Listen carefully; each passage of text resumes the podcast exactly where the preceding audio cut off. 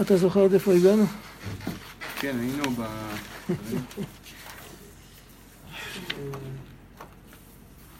היינו, נכון, היינו פה. איזה אות? איזה אות זה? אות ב'. דיברנו על ה... אה, על אוקיי. הקליפות הקודמים לפרי החופין על המוח. והגענו עד לשם. ועל זאת קורא קהלת, כי שם הגענו. טוב. יש כמה היבטים במושג הזה של... אה, טוב. המושג הזה של להיות בתוך הזמן ולהיות מעל הזמן, יש קודם כל את ההיבט הפילוסופי, העקרוני, כמו שאומרים. האם אתה יצור שחי בזמן, או שאתה מעל הזמן? ואם אתה מעל הזמן, אז אני לא מבין אותך. כי אין לנו באמת אפשרות להבין מה זה מעל הזמן. ועל זה עוד נדבר בהמשך. אבל יש עוד היבט מאוד פשוט, האם, אה, כמה אתה תפוס בתוך הרגע, עד כמה הרגע הנוכחי תופס אותך, ועד כמה יש לך פרספקטיבה לראות את הכל ביחד. כשאתה רואה את הכל ביחד, אז אתה פחות תפוס באקט של הזמן. אתה כאילו מסתכל מבחוץ ורואה את הכל יחד. ואז הבן אדם עושה פחות טעויות. כשבן אדם... אה, זה כמו שעומדים על מקום גבוה ורואים את כל המרחב, אז רואים, רואים את הכל, רואים את הדרך, רואים כמה יש מכאן לכאן, רואים... אה, אה, המשל שכתוב במסילת ישרים על המבוך. גן המבוכה הוא הגן הנטוע לצחוק הידוע אצל השרים, שבן אדם יכול להסתובב שם ולמות ברעב אם אף אחד לא ינחה אותו. הוא, הוא לא רואה, הוא מסתובב מסביב לעצמו. אם הוא לא קשור עם חבל לפתח, הוא לא ימצא את הפתח. זה מבוך. אבל אם עומד מישהו למעלה, שרואה את הכל, אז הוא יכול לכוון אותו.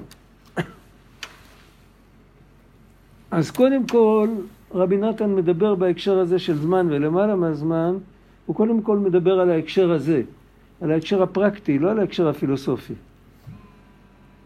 אז הוא אומר, אה, כי למעלה מהזמן שם מתבטלים כל התאוות, ואין אחיזה לתאוות והבלבולים ומניעות מעבודת הבורא יתברך. אין להם אחיזה, זאת אומרת, הם לא יכולים לקרקע אותנו, הם לא יכולים לתפוס אותנו שלא נוכל להתקדם.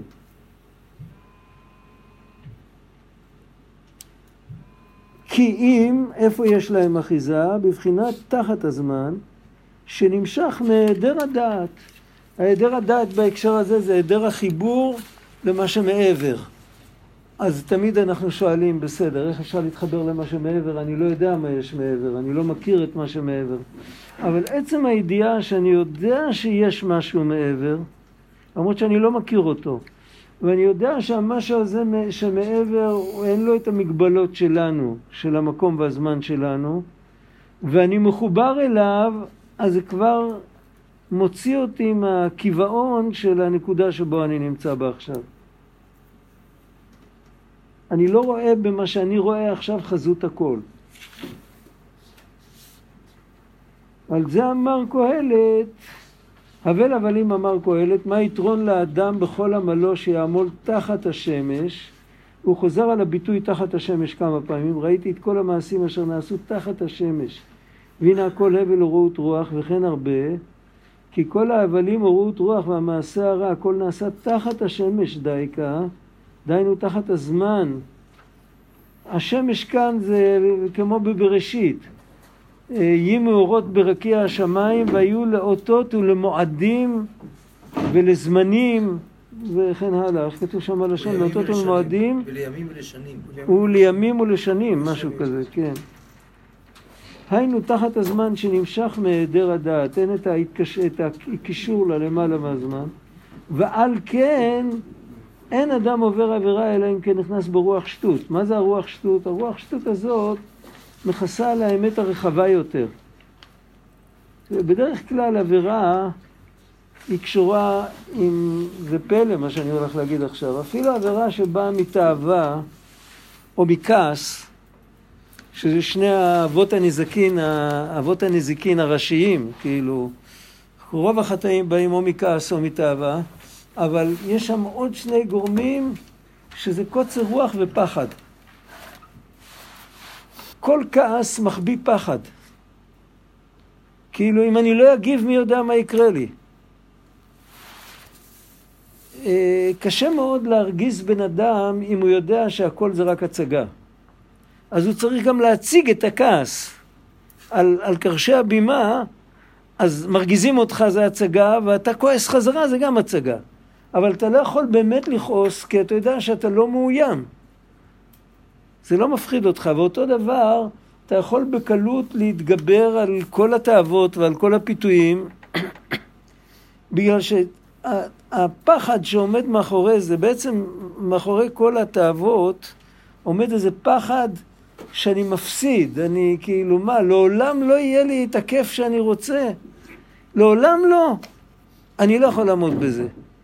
ו, ואם הוא יודע שזה הכל רק הצגה, ובעצם לא, לא הולכים לתת לו שום דבר, אז הוא יכול בקלות להתגבר על זה. והדעת, היעדר הדעת, השטות, תופסת אותו, מכניסה אותו לפינה שהוא ייקח ברצינות את העולם שיש מולו. דיברנו בהתחלה, כשהתחלנו לקרוא את זה, שסדר של השתלשלות של עולמות, אפשר גם להסתכל על זה כמו על סדר השתלשלות של חלומות. מי שזוכר, לפעמים בן אדם חולם, חלום מורכב כזה, הוא חולם, ובסוף החלום, בתוך כדי שהוא חולם, אז הוא חולם שנהיה לילה, ושהולכים לישון. ואז הוא הולך לישון, בחלום, הוא הולך לישון, ובשינה הוא גומר לישון והוא מתעורר, והוא זוכר שהוא חלם חלום. ויכול להיות שהוא זוכר סדרה של חלומות. הוא חלם, מה הוא חלם? הוא חלם שהוא הלך לישון, וזה לא נגמר. המשחקי ילדים, מי שזוכר, שפעם היה בית, בבית היה מגירה, היה שולחן, בשולחן היה מגירה, במגירה היה מכתב, במכתב היה כתוב שפעם היה בית, בבית היה שולחן. וכן הלאה, וזה לא נגמר. אז בהתעוררות מחלומות, בדרך כלל מתעוררים מהחלום, נגמר השינה, מתעוררים, לא משנה איזה חלום, איזה מספר זה. אבל יכול להיות גם שבן אדם יחלום שהוא חולם ושהוא מתעורר מחלום, ואז הוא יתעורר מהחלום הראשוני. ויכול להיות שזה יקרה לו ארבע או חמש פעמים בתוך אותה שינה. שהוא חולם שהוא חולם, והוא חולם אז שהוא חולם, ואז הוא מתעורר חזרה. בעצם כל העליות והירידות שיש באדם, אם, כשהוא עולה באמת ממדרגה למדרגה, לא מדובר על בן אדם שמשנה התנהגות כלשהי. זה טוב לשנות התנהגות מרע לטוב, ודאי, זה הדבר הקלאסי, הכי טוב, לא המדרש עיקר אלא המעשה. אבל זה נקרא שהוא שינה התנהגות, זה לא נקרא שהוא עלה מדרגה. הבן אדם שעולה מדרגה זה בדיוק כמו בן אדם שמתעורר מחלום. הוא רואה את המצב הקודם שלו הוא רואה, וואי, איזה, איזה, איזה חלום יפה זה היה, או איזה חלום בלהות זה היה. אבל אחרי שהוא מתעורר מזה, הוא רואה שזה היה... ובתוך כדי חלום, תוך כדי חלום הוא יכל למות מפחד. הוא יכל להתפוצץ מקנאה וכעס. והוא יכל להישפך מרוב תאוות. וברגע שהחלום הזה עזב אותו, הוא מסתכל אחורנית על כל הדברים האלה, זה מצחיק אותו. כל אותם דברים ש... והבן אדם שחוטא הוא הבן אדם שלא יודע את הסוד שיחסית ל... לעצמו בווריאציה יותר גבוהה הוא עכשיו חולה. הוא לא צריך לחשוב יחסית לעולם אחר, כי זה רחוק, זה לא, זה לא פרקטי, אבל... והוא יכול לעשות אה, תרגיל פשוט לזכור את התפיסת עולם שלו כשהיה מאוד מאוד קטן. הרב אליהו אמר פעם למישהו, כשהייתי צעיר וטיפש, גם עשיתי שטויות כמוך. הוא אמר לו על איזה הנהגה, הוא אמר לו את זה, אבל, אבל כשהוא הסתכל על זה, כשהוא היה מבוגר, אז הוא לא רק הסתכל, הוא אומר, פעם עשיתי את זה וקיבלתי על עצמי לא, לא לעשות. הוא לא הסתכל ככה. הוא הסתכל, עשיתי את זה, כי זה היה, כאילו, זאת הייתה תפיסת עולמי. יצאתי מהתפיסה הזאת, אז זה נשר כמו, ש... כמו ששלג דאשתקד אה, נמס, אז ככה זה גם נשר. ולכן חז"ל אמרו שאין אדם חוטא, אלא אם כן נכנס ברוח שטות. הרוח שטות הזאת מקבע אותו במקום הזה שהוא ייקח ברצינות את המוחין דקטנות שלו, שיקח ברצינות את ה... שיאמין שהחלום שאני חולם עכשיו הוא אמת אובייקטיבית. ואם רק בן אדם יודע בתיאוריה שזה שווה ערך לחלום, ושבעצם אפשר לצאת מזה, אפילו אם הוא בחיים לא יצא מזה, עצם העובדה שהוא יודע שזה רק חלום ואפשר לצאת מזה, זה כבר, יש לזה כבר פחות כוחות. זה כבר פחות, זה כבר פחות משכנע, זה פחות מפחיד, זה פחות אה, משבש את היישוב הדעת, זה פחות מלחיץ, ואז הבן אדם עובר את התקופה הקשה בשלום בלי להיכשל. זה נכון לא רק לגבי עוונות, זה נכון גם לגבי איסורים. כי כשהדעת שלם, אז לפי שלמות דעתו, כן, הוא סמוך יותר לבחינת למעלה מהזמן. הוא סמוך יותר, זאת אומרת, הוא לוקח את זה בחשבון. הוא לוקח בחשבון שיש מימד אחר למציאות, ששם לא מתפעלים מכל מה שעובר ברגע. ששם אין שום תאווה ולא שום הבל ומעשה רע של תחת השמש והזמן. וזה עיקר מצוות מילה, לחתוך העורלה שהוא תיקון הברית כדי להעביר הכסילות החופה על המוח. המקבילה הפיזית לדבר הזה זה העורלה. על זה דיברנו, העורלה מס... מכסה את איבר השפע שדרכו אנחנו מעבירים את עצמנו לדור הבא. בדיוק את הנקודה הזאת של השפע העורלה מכסה. ובעבודת השם העורלה זה התפיסת עולם שמנתקת אותנו ממקור השפע. אנחנו מקבלים את השפע מלמעלה, והשפע הזה שבא מלמעלה הוא מדויק לנו, הוא תמיד לטובתנו.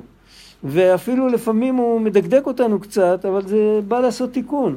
וכשאנחנו לא מסתכלים על זה ככה, יש עורלה, זה כמו העננים שמכסים על, הש... על השמיים ולא רואים אותם. שקותה בענן לך מעבור תפילה, אז אין לנו למי להגיד תודה, אין לנו למי להתפלל, אין לנו כלום, אנחנו כאילו לבד. ואז הבן אדם הוא, אין לו טעם לחיים. אז הרב, בעצם מה הוא אומר? הוא אומר שאנחנו במצב, אנחנו במצב קבוע שיש כסילות החופה על המוח. כך זה מצב כן, האדם. זה, ברוחניות, אבל עם פוטנציאל לסלק את זה. זה הרמז של המצווה של העורלה. זה לא אה, גזרה, גזרה משמיים שצריך לבוא אליהו הנביא ולהוריד לנו את זה, או כל כיוצא בזה, אלא יש לנו את זה כאופציה להסיר את העננים האלה. רק זה עבודה, ויכול להיות שבהמשך אנחנו נראה את הדרך. אבל הדבר הראשון, כמו בכל דבר, זה אמונה. דיברנו על זה כמה פעמים, על ילד שיש לו כישרונות מוזיקליים יוצאים מן הכלל, אבל הוא לא יודע שיש לו. הוא גודל בבית עני, בקושי יש כסף לקנות לו חולצה, אף אחד לא חושב שהוא אה, מתעופף על פח. מי שגאון במוזיקה ישמע על הטיפוף שלו שיש כאן את הגאון של הדור הבא. אבל מישהו אחר שאין לו אוזן רגישה לא, לא יבחין בזה. ויכול להיות שיעבור את כל החיים שלו, ורק אצל הנכד שלו יתגלה הכישרון הזה. זה יעבור ככה ב- בירושה, בגנים. ועליו לא ידעו כלום. למה? כי לא היה לו את ה... הוא לא האמין שיש לו את זה. אבל אם יבוא מישהו וישמע את הטיפוף שלו על הפח ויגיד לו, תשמע, אתה... לך, לך תלמד מוזיקה כי אתה משהו יוצא מן הכלל. אם הוא יאמין לו, אז יש לו קייס לפתח את הכישרונות שלו. אם הוא, הילד כבר יהיה מספיק גדול והילד סובב אצבע על הרקה ויגיד, אה, לך אתה משוגע, לי אין כישרון לשום דבר, ככה אמרה לי הסבתא רבא, אני יודע מה, זיכרונה לברכה, ומה שהיא אומרת זה קדוש ואני לא יכול כלום. יש ילדים שגודלים באווירה כזאת. אז הוא באמת לא יפתח שום דבר, כי הוא לא יודע שיש לו, הוא, הוא, לא, הוא לא מאמין שיש לו. הכישרון הזה להתחבר לדבר שהוא למעלה מהזמן הוא לא יותר גרוע מאשר כישרון מוזיקלי. למרות שכאן זה, הרבה, זה מעבר הרבה יותר, זה מהפך הרבה יותר גדול. זה כאילו לצאת אל המרחב, לצאת מתוך חלום, ולכאורה על זה נאמר אין חבוש מתיר עצמו מבית האסורים, אבל זה באמת, הוא לא מתיר את עצמו, השם יתברך מתיר אותנו מבית האסורים שלנו, ואנחנו צריכים לבקש, להאמין שזה יכול לקרות ולהתפלל, ואז דיברנו גם על זה פעם, מזמן מזמן, שלפעמים בן אדם מותחים אותו שהוא יושב בבית האסורים, זה מתיחה.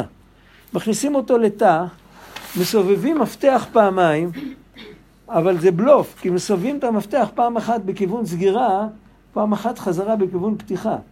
אבל זה נשמע בדיוק אותו דבר, ואז הבן אדם מתיישב שם על הארץ ובוכה. סגרו אותי. קום, תנסה לפתוח. מה אתה מפסיד? כשהוא מנסה לפתוח, אחד כזה שהוא לא חונך להיות ילד טוב ירושלים, הוא חוצפן והוא מנסה לפתוח, הוא רואה שעבדו עליו, לא סגרו, לא שום דבר, אף אחד לא, אף אחד לא שומר, אף אחד, עבדו עליו.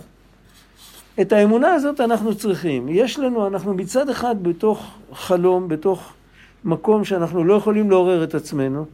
אפילו יש לנו מצווה שנאמר עליה, אורו ישנים משנתכם. רבי נתן מביא את זה פה, בהמשך, אם אני לא טועה. ו... אז כאילו מישהו מחיצוני צריך להעיר אותנו, אבל האורו ישני משנתכם זה לא רק נאמר על השופר של ראש השנה, זה נאמר על הפוטנציאל שיש לכל אחד להתעורר בכל זמן נתון. והוא רק צריך להאמין שהוא יכול. זה חידוש, זה, לא, זה נגד הכלל של אין חבוש מתיר עצמו מבית האסורים. זאת אומרת, יכול לבוא מישהו ולטעון, והוא יהיה מאוד הגיוני. הוא יגיד, אין דבר כזה, אם, אם, אם, לא, אם לא יבוא איזה מלאך משמיים וייתן לך יד, אתה לא תצליח. אבל המלאך נמצא כבר בתוכנו, זה לא, לא צריך לחפש אותו, יש לנו משהו שיותר גבוה ממלאך. יש לנו נשמה. והנשמה הזאת היא מחוברת לשורש האמיתי. ובעזרתה אנחנו יכולים לצאת.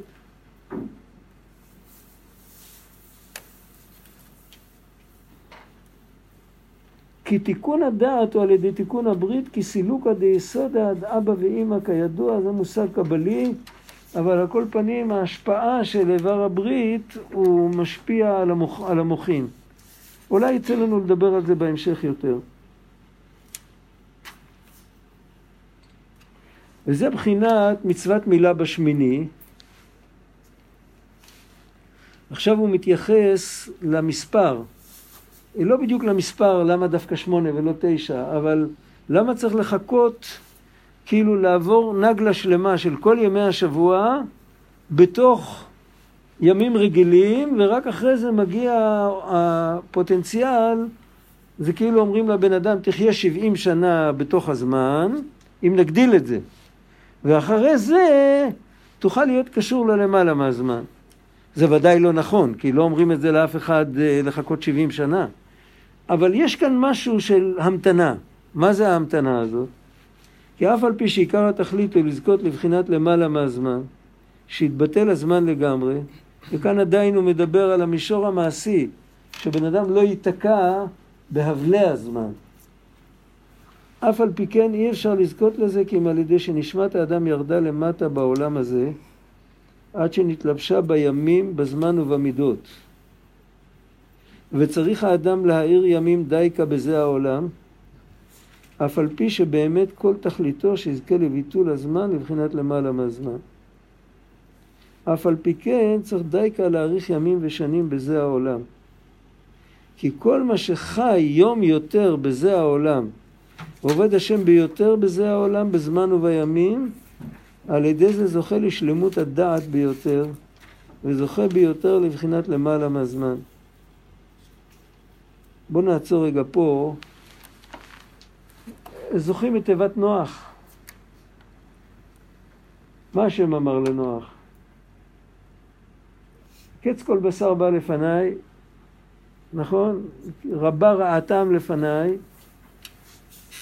אז מה נוח עשה? השם אמר לו, עשה לך תיבת עצי גופר, ובאת אתה ואשתך ובניך ונשב בניך, כולם תבואו אל התיבה, מכל החיים, מכל בשר, שניים שניים. רש"י אומר, אלה שלא השחיתו את דרכם, נתחיל ממך עולם חדש.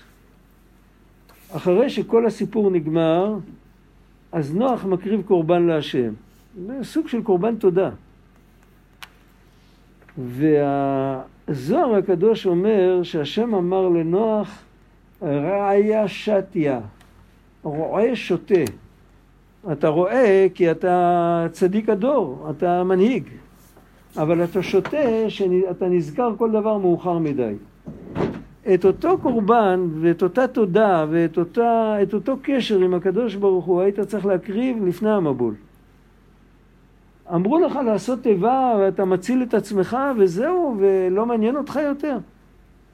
וכתוב, אה, היית צריך להתפלל שכולם יחזרו בהם ושהעולם יישאר אותו עולם, לא שיתחיל ממך עולם חדש.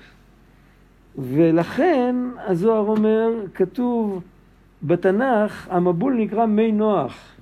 כי כאשר נשבעתי מעבור מי נוח עוד על הארץ, אז בישעיהו, אז אה, למה הוא נקרא על שמו של נוח? הוא היה צריך להיקרות על שמם של הרשעים שגרמו את זה. נוח לא היה אשם במבול, אבל הוא כן היה אשם במבול, כי היה צריך להתפלל. זאת אומרת, במילים אחרות, השם יתברך לא רוצה מאיתנו שאנחנו אה, נמצא לנו איזה גרם מדרגות שעולה מעל התקרה ונסתכל מלמעלה איך שכולם אה, נופלים. זה לא עבודה שלנו. זה לא עבודה שלנו יחסית לבני אדם אחרים, זה לא עבודה שלנו יחסית לברואים שהם בדרגה פחותה מבני אדם, וזה גם לא העבודה שלנו יחסית לברואים שהם בדרגה עליונה מבני אדם. אנחנו, יש לנו אחריות, כל אדם חייב לומר בשבילי נברא העולם, זה גמרא בסנהדרין. ורבנו מבאר בליקוטי מהר"ן שהכוונה שכל אדם צריך לקחת אחריות על העולם, לתקן את העולם כמה שהוא יכול. או לתקן את העולם על ידי דיבורים ועל ידי מעשים, בעיקר מעשים, או לתקן את העולם על ידי זה שהוא מתפלל על בני העולם. מתפלל עליהם שיטיבו את דרכיהם ושלא יקלקלו את העולם. וכדי ל... להתפלל, כדי לתקן משהו, אז זה, בתנ"ך זה מופיע, אנוכי תרגלתי לאפרים כחם על זרועותיי, איך כתוב? על זרועותיו, על זרועותיי, איך, איך כתוב שם? אני לא זוכר. זאת אומרת, הקדוש ברוך הוא אומר, והוא אומר לנו לעשות מה שהוא עושה. הוא אומר, אני מצאתי ילד קטן שעושה שטויות, אפרים הרי, שבט אפרים הכניס את העגלים של ירובעם בן נבט, אחד בדן ואחד בבאר שבע. אז אני, אני רוצה לתקן אותו, אז אני מרים אותו על הידיים. מה זה נקרא להרים על הידיים? להרים על הידיים זה להתכופף, הילד על הארץ. אז מתכופפים אליו ומרימים אותו. אין איזה מגנט שסוחב ילדים לידיים של האבא. בשביל להרים אותם צריך להתכופף. ומה שהקדוש ברוך הוא אומר, הוא אומר על עצמו שהוא עושה, הוא אומר לנו והלכת בדרכיו. העבודה שלנו זה לתקן עולם במלכות שדי. זה מה שאנחנו, אנחנו מבקשים על זה, זה התפקיד שלנו. ולא לברוח לאיזה מדבר ולהגיד שלום עליי נפשי. כשהנביא מתאר מי יתנני כמדבר מלון אורחים, הוא מתאר מצב שלילי לחלוטין, שכל מה שהוא מנסה הוא לא מצליח, אז הוא אומר, אז אני אלך למדבר. אבל זה לא לכתחילה. לכן שלחו נשמה שהיא תרד לעולם הזה, זה, זה השליחות של כל אחד מאיתנו. הנשמה של יהודי זה משהו מיוחד. אני סיפרתי, אה, יש לי חבר, הוא פסיכולוג, הוא כזה, הוא גם פילוסוף, הוא לא רק פסיכולוג. הוא למד פילוסופיה בזמנו. הרב סטפסקי שלף אותו עם שני חברים שלו מהפקולטה לפילוסופיה והפך אותם לחסידים גדולים, לתלמידי חכמים, ו... לא יודע, אז אה, פילוסוף, הוא גם פילוסוף וגם פסיכולוג. והוא סיפר, ש... סיפר לו חבר סיפור שהחבר שלו נסע במטוס ולפניו ישבו שני תלמידי ישיבה והם דיברו ביניהם בעברית, הם דיברו בדיוק על נשמה יהודית. וישב לידם, לא, והם דיברו אנגלית על נשמה יהודית, אמריקאים. דיברו אנגלית, ישב לידם גוי, דובר אנגלית, והוא התערב בשיחה שלהם. הוא אמר, אתם מדברים מאוד מעניין, אבל מה אתם אומרים עליי? אני, אני לא יהודי. זה בשביל Jewish people, כמו שאומרים. אני לא יהודי, אבל מה אתם חושבים עליי? אז הם אמרו לו, עליך, אתה היצור הכי נעלה שאלוקים ברא פה בעולם. יש דומם, צומח, חי, מדבר, אתה מדבר, אתה הכי גבוה. אז הוא אמר, ואיך אתם מסתכלים על עצמכם? אז הם ענו לו, אנחנו הנקודה הכי נמוכה שיש באלוקות. אתה הנקודה הכי גבוהה שיש בעולם, ואנחנו הנקודה הכי נמוכה שיש באלוקות. הוא לא המשיך, זאת אומרת, אה, לא יודע מה היה שם, הוא, זה הסיפור שהוא סיפר. וזה מאוד מצא חן בעיניו, הוא כפילוסוף, זה שסיפר לי את הסיפור, זה מאוד מצא חן בעיניו, הדו-שיח הזה. עכשיו, מה, מה באמת? באמת הם צדקו. זאת אומרת, ליהודי יש מתנה שאין אותו, אני לא מדבר עכשיו, אין אותו לדומם ואין אותו לצומח ואין אותו לחי ואין אותו למדבר. אין אותו למלאכים ולשרפים ולחיות הקודש. אין את המתנה הזאת. אנחנו קיבלנו נציגות של הבורא בעצמו עמוק בתוך הנשמה שלנו. וזה דבר פלא, וודאי שיש דבר כזה בכל אבן, אחרת האבן לא הייתה קיימת. אבל הפלא הוא שקיבלנו את זה בצורה כזאת שאנחנו יכולים להזדהות עם זה ולעורר את זה. כל פעם מחדש. למרות שמחקנו את זה, היו כאלה שהיו מאומות העולם והם הגיעו למדרגות מאוד גבוהות. אבל אם הם נפלו, אז הם נפלו. אה, יש אה, את הסיפור בתנ"ך על חנוך. אה, כתוב, על חנוך כתוב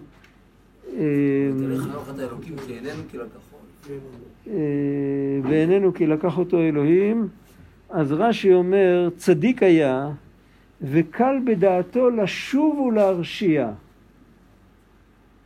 לא כתוב קל בדעתו להרשיע, היה כתוב קל בדעתו לשוב ולהרשיע, ככה רש"י אומר. ואמר הקדוש ברוך הוא אקחנו קודם, ש... קודם זמנו כדי שלא יהיה רשע. מה זה לשוב ולהרשיע? הוא לא היה קל בדעתו להיות רשע, הוא היה צדיק. צדיק זה לא קל בדעתו להיות רשע. אבל אם הוא היה פעם אחת נופל, אז כבר היה נפתח לפניו הדרך לשוב ולהרשיע. הוא כבר לא היה יכול להתרומם יותר. הוא היה נופל, אז היה נופל, גמרנו. הוא לא היה קם. וכשהקדוש ברוך הוא בחר באברהם אבינו, הוא נתן לו עשרה ניסיונות. עוד ניסיון ועוד ניסיון ועוד ניסיון, ולא בכל ניסיון עומדים אותו דבר. אבל, ואברהם אבינו היה צריך כבר לצעוק, די, בעצם הניסיון הכי גדול זה ניסיון ה-11. זה ניסיון, עמדתי כבר בשמונה ניסיונות, למה אתה מביא לי את הניסיון התשיעי? לא הניסיון זה הבעיה, חוסר הקיטורים וההתרעמות, זה, זה העמידה בניסיון. וזה כל פעם נהיה יותר קשה. ואברהם אבינו אמר, לא משנה, עמדתי בניסיון, לא עמדתי בניסיון, זה לא משנה בכלל.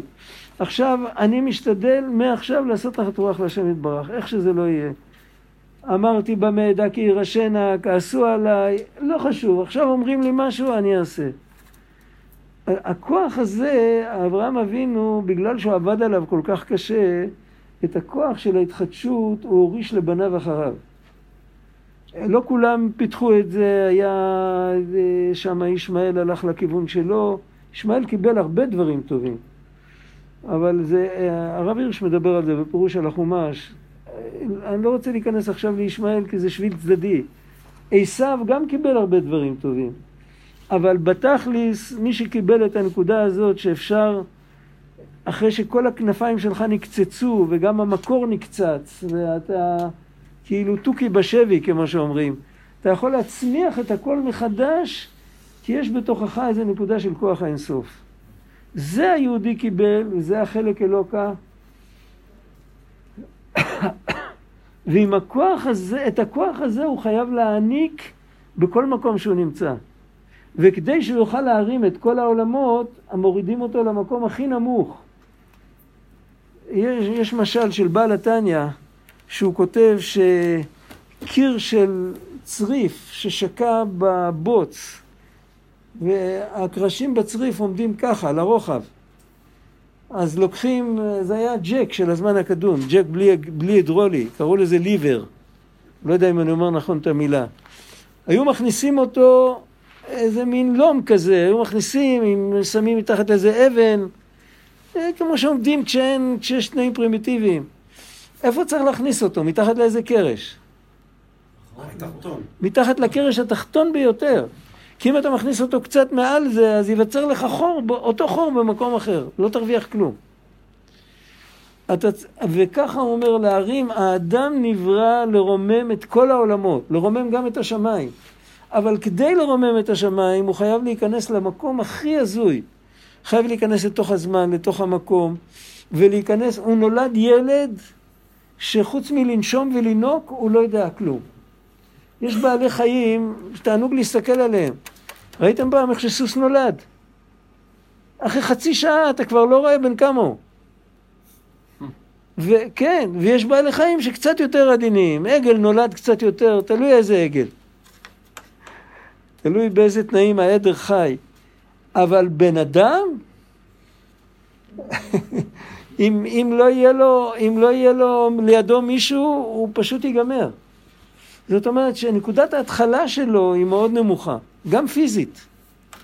ומשם הוא צריך לעבור את כל השלבים, וכל שלב שהוא עובר, עם כל קושי שהוא עובר, הכל זה מגלה יותר את השורש שיש בו, שהשורש הזה משם הוא לוקח את הכוח לעבור את הקשיים. עכשיו זה כל אדם. יהודי, נתנו לו עוד קשיים כפולים ומכופלים. קודם כל, חלק גדול מהדברים שהוא אמור לעשות לא מסתדר עם המובן מאליו של העולם, וחוץ מזה עוד פיזרו אותו בארבע כנפות הארץ, ולא כל כך קל להיות יהודי, אחר כך לא הכל. וככל שזה יותר קשה, אז הבן אדם זוכה על ידי זה יותר להתפתח. הוא, הוא חייב לגלות כוחות יותר עמוקים כדי לעמוד במשימות שלו.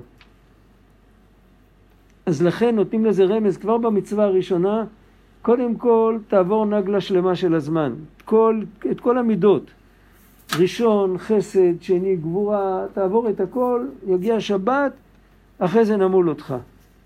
ואותו דבר כל בן אדם אנחנו נראה בהמשך, זה הסוד של אברהם, זה כן בא בימים. כדי להגיע לזה קנה חוכמה, הוא צריך לעבור דרך כל הימים. דרך נמרוד, דרך ויהי רעב בארץ, דרך ארבעה מלכים, את החמישה, כל ההרפתקאות של אברהם אבינו, הוא צריך לעבור את הכל כדי שהוא יגיע בסוף לזה קנה חוכמה, לאברהם זקן. אז זה נראה בהמשך, אבל אותו דבר יש פה. כי כל מה שחי יום יותר, יום יותר בזה העולם, ועובד השם ביותר בזה העולם בזמן ובימים, על ידי זה זוכה לשלמות הדעת ביותר. יש פירוש, זה גם בעל התניא כותב בתורה אור אם אני לא טועה. כי מנסה, זה פסוק בחומש דברים, כי מנסה השם אלוקיכם אתכם לדעת הישכם אוהבים, על מה מדובר שם? פרק י"ג בדברים. יש שם נביא שקר שבא ואומר נלכה נעבדה אלוהים אחרים והוא עושה אותות ומופתים בשמיים ובארץ. הוא בא האות והמופת, נתן אליך אות ומופת, ובא האות והמופת. לא תשמע לו ולא תובע לו, כי מנסה השם אלוקיכם אתכם לדעת. זה ניסיון. טוב, הוא מעמיד את השמש, לא מעניין אותך. אתה, אל תאמין לו, הוא משקר. יש איזה ברמב"ם ביאור ארוך, למה, בצורה רציונלית, למה לא להאמין לו, אבל מה שבעל התניא כותב, הוא כותב כי מנסה השם אלוקיכם אתכם לדעת, השם יתברך רוצה לתת לכם מתנה דעת. הדעת, למדנו כמה פעמים שהדעת זה כוח מאוד מופנם, והוא שואב פנימה, הוא לא מוחצן, הוא לא, לא רואים אותו. וצריך איזה משהו שיכריח אותו להתגלות. בדרך כלל בחיי היום-יום מה שמכריח את הדעת להתגלות זה שאלה טובה. אם שואלים מה התכלית, מה התבעת, לאן אתה הולך, זה מעורר את הדעת. אבל אם בן אדם לא עושה את זה, אז הקדוש ברוך הוא שלח לו ניסיון. ואי אפשר לעמוד בניסיון אם לא מעוררים את הדעת. הדת זה הקשר הכי עמוק שיש לנו עם מה שמעבר. ואם אין לנו את הקשר הזה, אנחנו לא מסוגלים לעמוד בניסיון. וכשמגיע הניסיון, הדעת מתעורר ספונטנית. זה כמו, יש מכשירים כאלה, שגם ברכב יש לפעמים שאם אה, אם יש אפס שמן או אפס מים ברדיאטור, או פתאום נדלקת איזה נורה אדומה. ויש מכשירים שבנויים עם, אה, ברכב, לא עושים את זה, כי אם הוא ייעצר באמצע, אז הוא יסכן את אלה שאחריו. אבל יש מכשירים שהם נייחים, שהם עובדים בצורה כזאת שברגע שיש איזו תקלה, קורה שני דברים. המכשיר מפסיק לעבוד ונדלקים כמה נורות אדומות. ויש לך כיתוב מה קרה. אם זה, אם זה אלקטרוני, אז יש לך גם כיתוב מה קרה. מה הרעיון בזה? הרעיון בזה שכל זמן שהכל בסדר, אז אתה עובד עם זה, זה, זה קצת שחוק, זה קצת ככה, זה קצת ככה, שום דבר הוא לא חדש. יכול להיות... אה, עבדתי במסגרייה פעם, שהיה שם מחרטה שעוד יכלו לעבוד עליה בלי חשמל, עם הרגל. חיברו אותה בסוף לחשמל, הלבישו עליה מנוע, זה היה... היא הייתה ענקית, היא הגיעה מקיר לקיר, משהו ענק. היום לא רואים את זה, כולה כמו הסטנדר. אבל זה היה ככה, וזה עוד עבד, זה עבד, עוד השתמשו בזה. זה לא חדש, אבל מה? זה עובד. אבל ברגע שמגיע נקודה שהיא קריטית, שאם אתה תמשיך לעבוד, המנוע יישרף, או שאתה תשבור את הציר המרכזי והכל ילך לך לאיבוד, וגם העבודה שאתה עושה תלך לאיבוד. אז פתאום זה מפסיק לעבוד ונדלק נורה אדומה. בנפש אצלנו זה בדיוק אותו דבר. הבן אדם חוטא, פה הוא משקר, פה הוא גונב, פה הוא זה, פה... בסדר, הוא עדיין, הוא זוכר מי הבעל הבית, באיזשהו מקום כואב לו, הוא לא עומד בניסיון. זה כמו מכשיר ישן, שצריך לשפץ אותו. אבל ברגע שמגיע לניסיון בדבר אמונה, אז הבן אדם הולך לאבד את האלוקים. הולכים ל, כאילו לחתוך, לו, לחתוך אותו מהשורש. ואז מתעורר הדעת. הדעת הזאת לא נותנת לו. יש סיפור על רבי שלמה מקרלין, סיפרתי את זה פעם, באו חסידים שלו וסיפרו לו, זה סיפור מחריד, זה נגמר גם, אה, רואים לפי איך שזה נגמר שזה סיפור אמיתי. אין לזה happy end. אה, הגיעו אליו חסידים שלו וסיפרו לו על משהו שקרה בשוק. מה היה בשוק? אה, היה שם איזה הצאר הרוסי, אני לא יודע בדיוק איך קראו לו באותו דור. הוא הגיע מחופש, הוא הסתובב בין העגלונים. הוא הגיע לאיזה עיירה, הוא הסתובב בין העגלונים, והיה שם אה, שתי פינות, היה פינות של העגלונים הגויים ופינות של העגלונים היהודים. הוא הלך לעגלונים הגויים, והוציא צלב ותפס את אחד מהעגלונים שייתן יריקה על הצלב. אז העגלון לא רצה, הוא היה פרבוסלבי דתי, מה פתאום שייתן יריקה על הצלב? אז הוא הוציא אקדח ואיים עליו. וירא כה וכה וירא כן איש, אף אחד לא יכול לעזור לו, אז הוא מילא את הפה עם רוק, אז uh, הצאר הוריד את ה... הוא היה מחופש, הוא הוריד את האקדח ואמר לו, תדורק, אתה טיפש. ככה הוא אמר לו, הלך משם. אחר כך הוא הלך לפינה של העגלונים היהודיים, ולקח את הצלב והראה שם לאיזה עגלון יהודי ואמר לו, תן נשיקה לצלב. ו... הוא לא רצה, הוא לא אמר שהוא לא רוצה, הוא אמר שהוא לא יכול. כן אישט, אני לא יכול.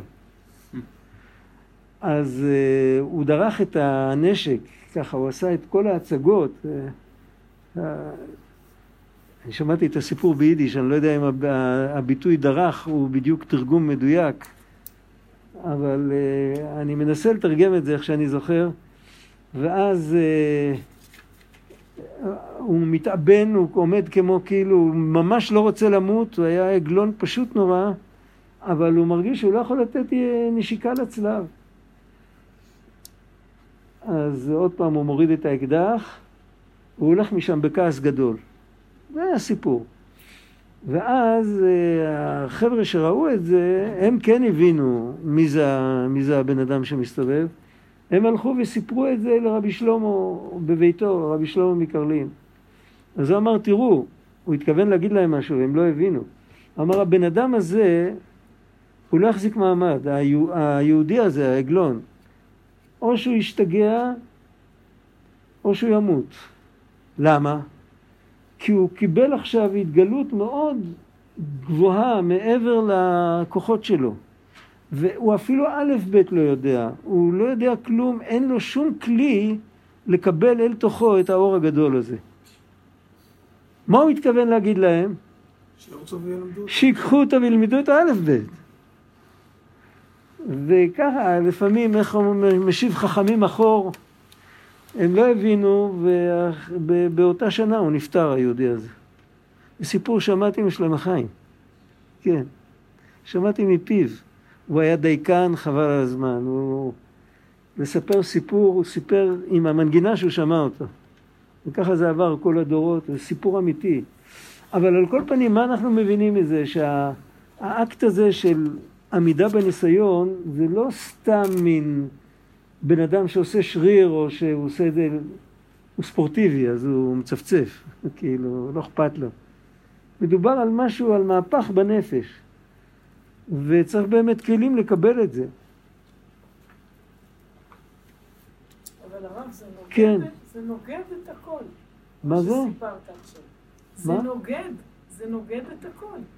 כי נכון, מה שאמרת, יש בזה היגיון, אבל איפה פה התיקון? איפה פה ה... ה... המעבר לדרגה אחרת? המעבר לדרגה אחרת, על זה הוא היה צריך עזרה מהחברים שלו. ואת זה הם לא עשו. אני לא יודע מה היה דינם. אני סיפרתי את מה ששמעתי. זה ודאי שזה... זה... מה המטרה של סיפור כזה? המטרה של סיפור כזה, כשאתה רואה, אתה רואה מישהו עושה משהו הירואי, משהו, אתה מתפעל ממנו, אתה זה, עכשיו הזמן להתחיל לטפל בו. זה שאתה מתפעל ממנו זה טוב מאוד, אבל הוא צריך עזרה. הוא עוד לא, הוא רק עכשיו מתחיל. הוא לא יצא ידי חובה עם ההירואיקה. זה, זה טוב מאוד, אבל זה לא, זה לא... צריך עכשיו להלביש את הכל בתוך, אה, כאילו, בתוך כלים, זה אור מקיף. זה לא, אין לזה, אין לזה המשך, אין לזה... כמו ברק שמאיר ונעלם.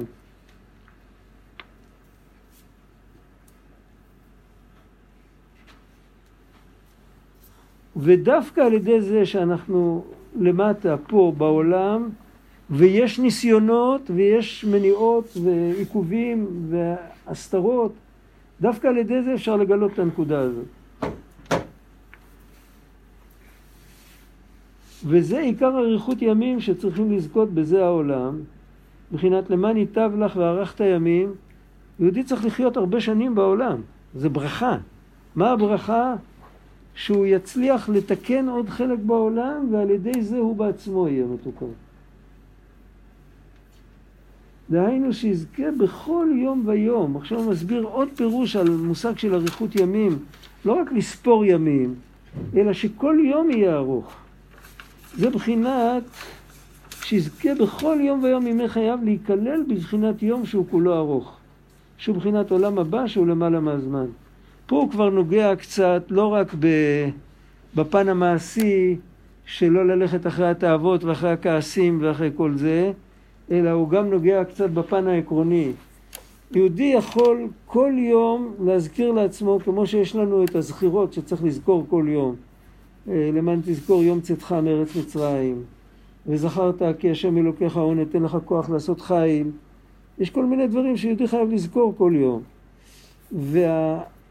חלק מזה זה עוד משהו, וזכרת את השם אלוקיך כי הוא נותן לך כוח לעשות חיל, הזכירה הזאת יכולה, יש לה פן יותר פנימי.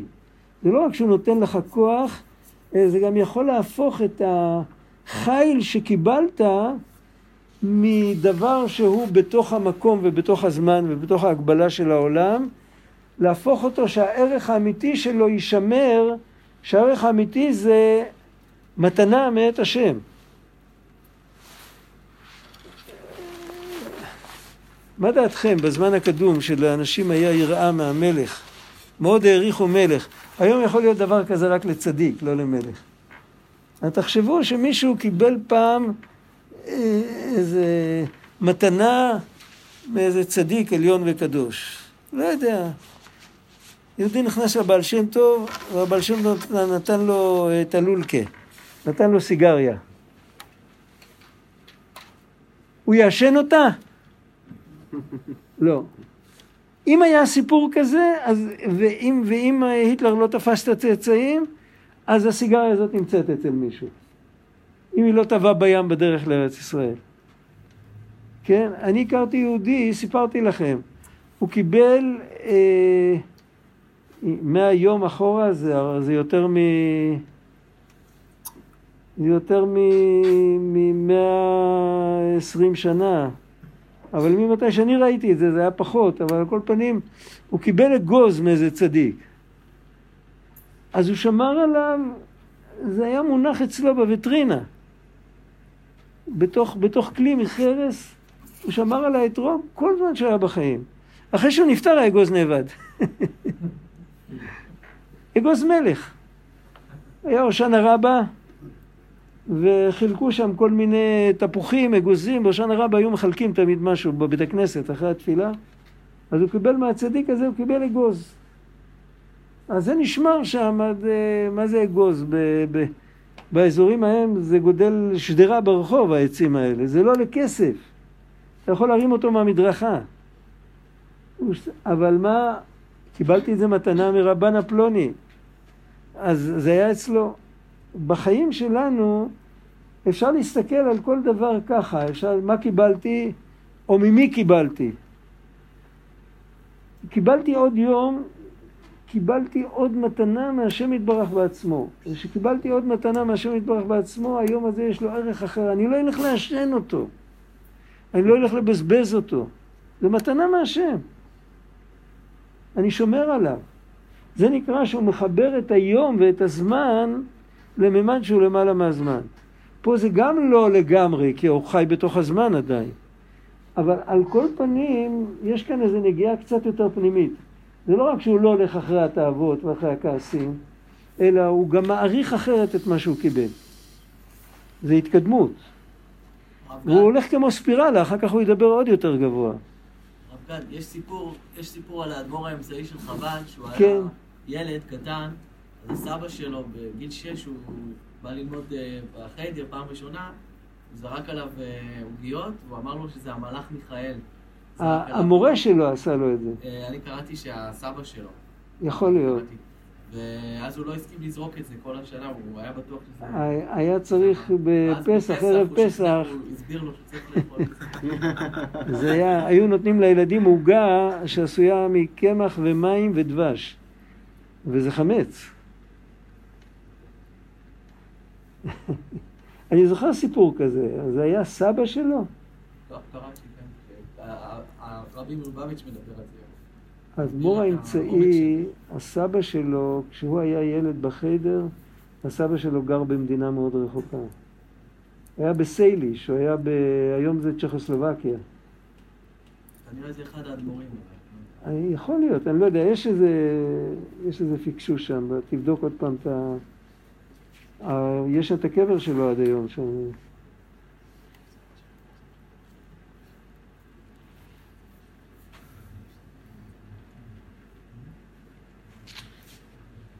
וזה בחינת זקנה דקדושה, בחינת זקן, זה קנה חוכמה.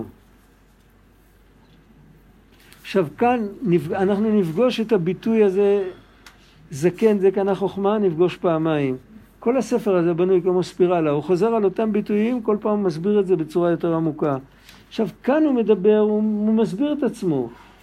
מה פירוש זקן זה קנה חוכמה? כי כל מה שנזקן יותר צריך לקנות חוכמה ודעת אמיתי יותר. נתנו לך עוד יום, תקנה בזה עוד חוכמה. אל תבזבז את זה על שטויות. ואז נכלל בכל יום בבחינת הזקנה שלמעלה, שהוא מבחינת אריכות ימים ושנים. זקנה אמיתית זה, זה פן אחר של זה זקן שעלה, שקנה חוכמה, זה נראה בהמשך, שזה זה קשר אמיתי עם הלמעלה מהזמן. ואם הוא שומר על ה... מבחינה פרקטית, הוא שומר על כל יום שנותנים לו, אז הוא מקבל איזשהו קשר עם הלמעלה מהזמן. שהוא מבחינת למעלה מהזמן, שמשם עיקר החיים, עיקר אריכות ימים ושנים. וכמובן כל זה בדברי רבנו ז"ל בכמה מקומות. כי מי שאינו זוכה לדעת אמיתי בימי חייו, אפילו אם ירבה כחול ימים, אין זה אריכות ימים כלל, כמו שכתוב, ואילו חיה אלף שנים, פעמיים, וטובה לא רעה וכולו, כתוב טוב ממנו הנפל. כי מה יתרון לו בריבוי ימיו העוברים כצל עובר? כי הלא בכל יום האדם מת.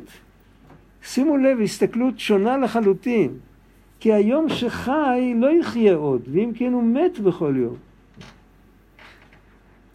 זוכרים שהיינו צעירים ושרנו עוד חודשיים וגמרנו.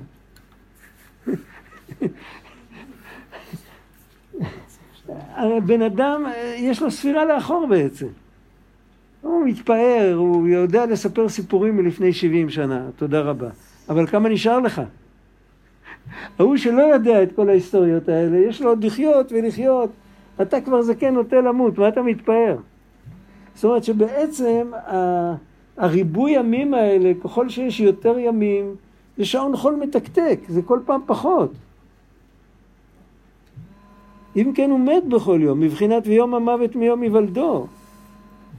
שתכף מיום היוולדו ממש מתחיל האדם למות מיד. הספירה לאחור מתחילה מרגע הלידה. וזה ברור ומובן לכל בר דעת, לכל מי שיש לו מוח בקודקודו. אם כן, מה יתרון לבין מאה שנים על בן יום אחד? אדרבה, זה מת יום אחד וזה מת מאה שנים. מה, מה, כאילו, מה יש מה להתגאות? או כמו שכתוב שם בקהלת, על הטוב ממנו הנפל.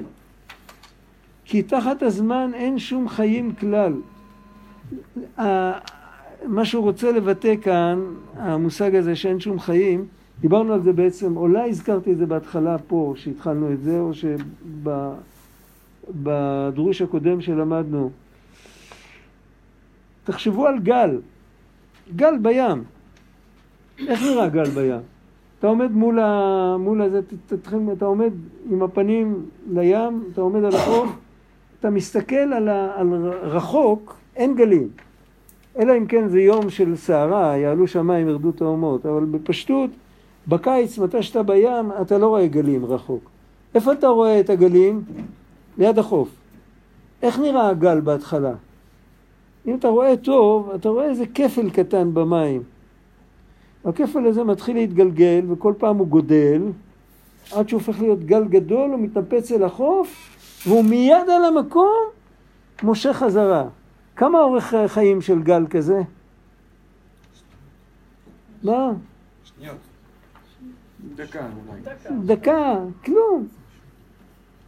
וכשהוא מושך חזרה, אז הוא מפריע לגלים אחרים להגיע. לפעמים הוא מושך יותר מדי חזק, חזק אחורה. לפעמים אסור לעמוד שם. לפעמים צריך ללכת הצידה. דיברנו על זה פעם. כשאתה הולך הפוך ממנו, אז אתה לא יכול, אבל אם אתה הולך הצידה, אולי החוף לא יהיה ישר, אז אתה תעלה על החוף מהצד. אז כשאתה הולך הצידה, אין לך התנגדות כזאת. יש שם מלחמת עולם בין הגלים. זה מושך קדימה, זה מושך אחורה.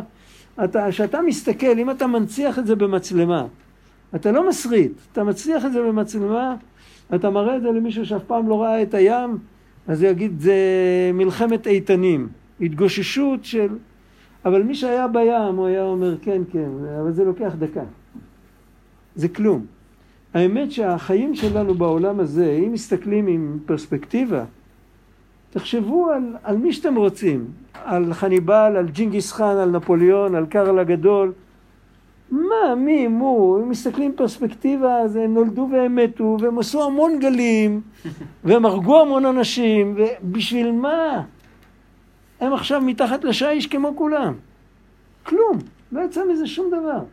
מקסימום החריבו חלק יותר גדול מהעולם. וזה זה הכל כשאין את הדעת, אין את החיבור ללמעלה מהזמן. כשיש את החיבור למעלה מהזמן, בן אדם לא חי ככה בשום אופן.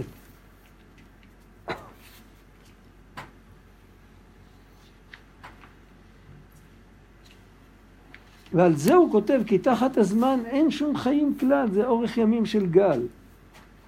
כי שם עיקר אחיזת סיטרא דמותא, כנראה בחוש, לכל, שהזמן הולך ומת בכל יום ובכל עת ובכל שעה. כי כל בני אדם וכל מין בעלי חיים אשר על פני האדמה ממות עולם, כולם הולכים ומתים בכל שעה ובכל יום. כיום והשעה שחיים לא יחיו עוד, כנ"ל. ועל כן באמת אמרו רבותינו ז"ל רשעים בחייהם קרויים מתים מאחר שנמשכים אחר הכסליל, הכסילות והרוח שטות שהוא מבחינת תחת הזמן שחולף ועובר וכלה בכל רגע שהוא סיטרא דמותא כי עיקר החיות באמת הוא רק מחי החיים שהוא למעלה מהזמן וכל עיקר קיום הזמן הוא בשביל ישראל, בשביל הצדיקים ובשביל לעמוד בניסיון, זה הזמן. הזמן הוא בשביל להתעלות מעליו ולא רק להתעלות מעליו ולברוח כמו נוח, אלא להרים אותו, להתכופף אליו ולהרים אותו ולחבר אותו עם נקודה שהיא למעלה מהזמן. שעל ידי זה משלימים דעתם ונכללים בבחינת למעלה מהזמן ומקשרים ומעלים בחינת הזמן לבחינת למעלה מהזמן. והם, מי שעושה את העבודה הזאת, הם זוכים לחיים אמיתיים לא רק אחרי 120 שנה, גם עכשיו. לעד ולנצח ומהם עיקר המשכת החיות לכל באי העולם בשביל קיום העולם.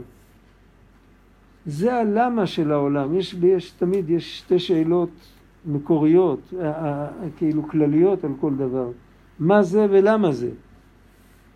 זה כתוב בתנ"ך, על מה זה... מה זה ועל מה זה? מה זה ולמה זה? על מה זה ועל מה זה במגילות אסתר. כן, מה זה ועל מה זה.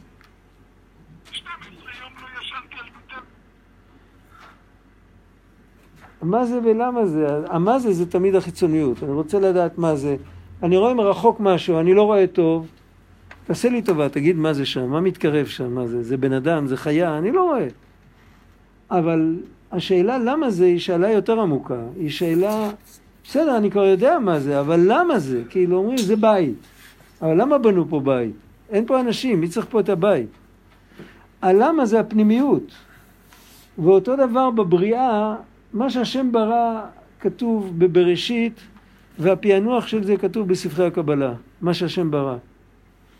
והפענוח של החלק הנמוך של הבריאה כתוב בספרי הטבע, או בספרי אסטרונומיה. זה כתוב, הכל כתוב, אפשר ללמוד את הכל, אפשר לראות את החלק הפיזי של הבריאה, אפשר לראות ב, אה, בכל, מיני, בכל מיני אמצעים, כמה שאפשר, כמה שהצליחו. אבל למה כל זה? זה הסוד, אנחנו לא יודעים. וזה השם מגלה לנו שכל זה ניתן כדי שבני אדם יהיו בעלי בחירה ויוכלו לעבוד אותו. זה הלמה. ומי שמתארגן מסביב ללמה, הוא מתארגן מסביב לפנימיות של העולם. מי שמתארגן מסביב למה, אז הוא מתארגן מסביב לחיצוניות של העולם. וכמו שהם אמרו החבר'ה במטוס, לגוי. אנחנו מתארגנים, בעצם מה שהם אמרו, אנחנו מתארגנים מסביב לפנימיות, אתה מאורגן מסביב לחיצוניות. בין אלה שמאורגנים מסביב לחיצוניות, אתה הכי טוב. אנחנו בין אלה שמאורגנים מסביב לפנימיות, אנחנו הכי נמוכים. אבל בכל אופן, אנחנו מאורגנים מסביב לפנימיות. אז בואו, אנחנו נשאיר את זה פה. על כל פנים, הבנו נקודה אחת, הבנו שהירידה היא צורך עלייה. הירידה היא לא סתם נקמה באדם או משהו כזה, אלא זה בכוונת המכוון. עכשיו פה צריך לשים, פה אנחנו, אי אפשר לבוא לזה. בטור השמאלי, כידוע, הכלל שעיקר החיות האמיתי הוא מבחינת למעלה. אי אפשר לבוא לזה. כן. כן, זה באמצע המשפט, אבל כן. תשים שם איזה סימן. טוב.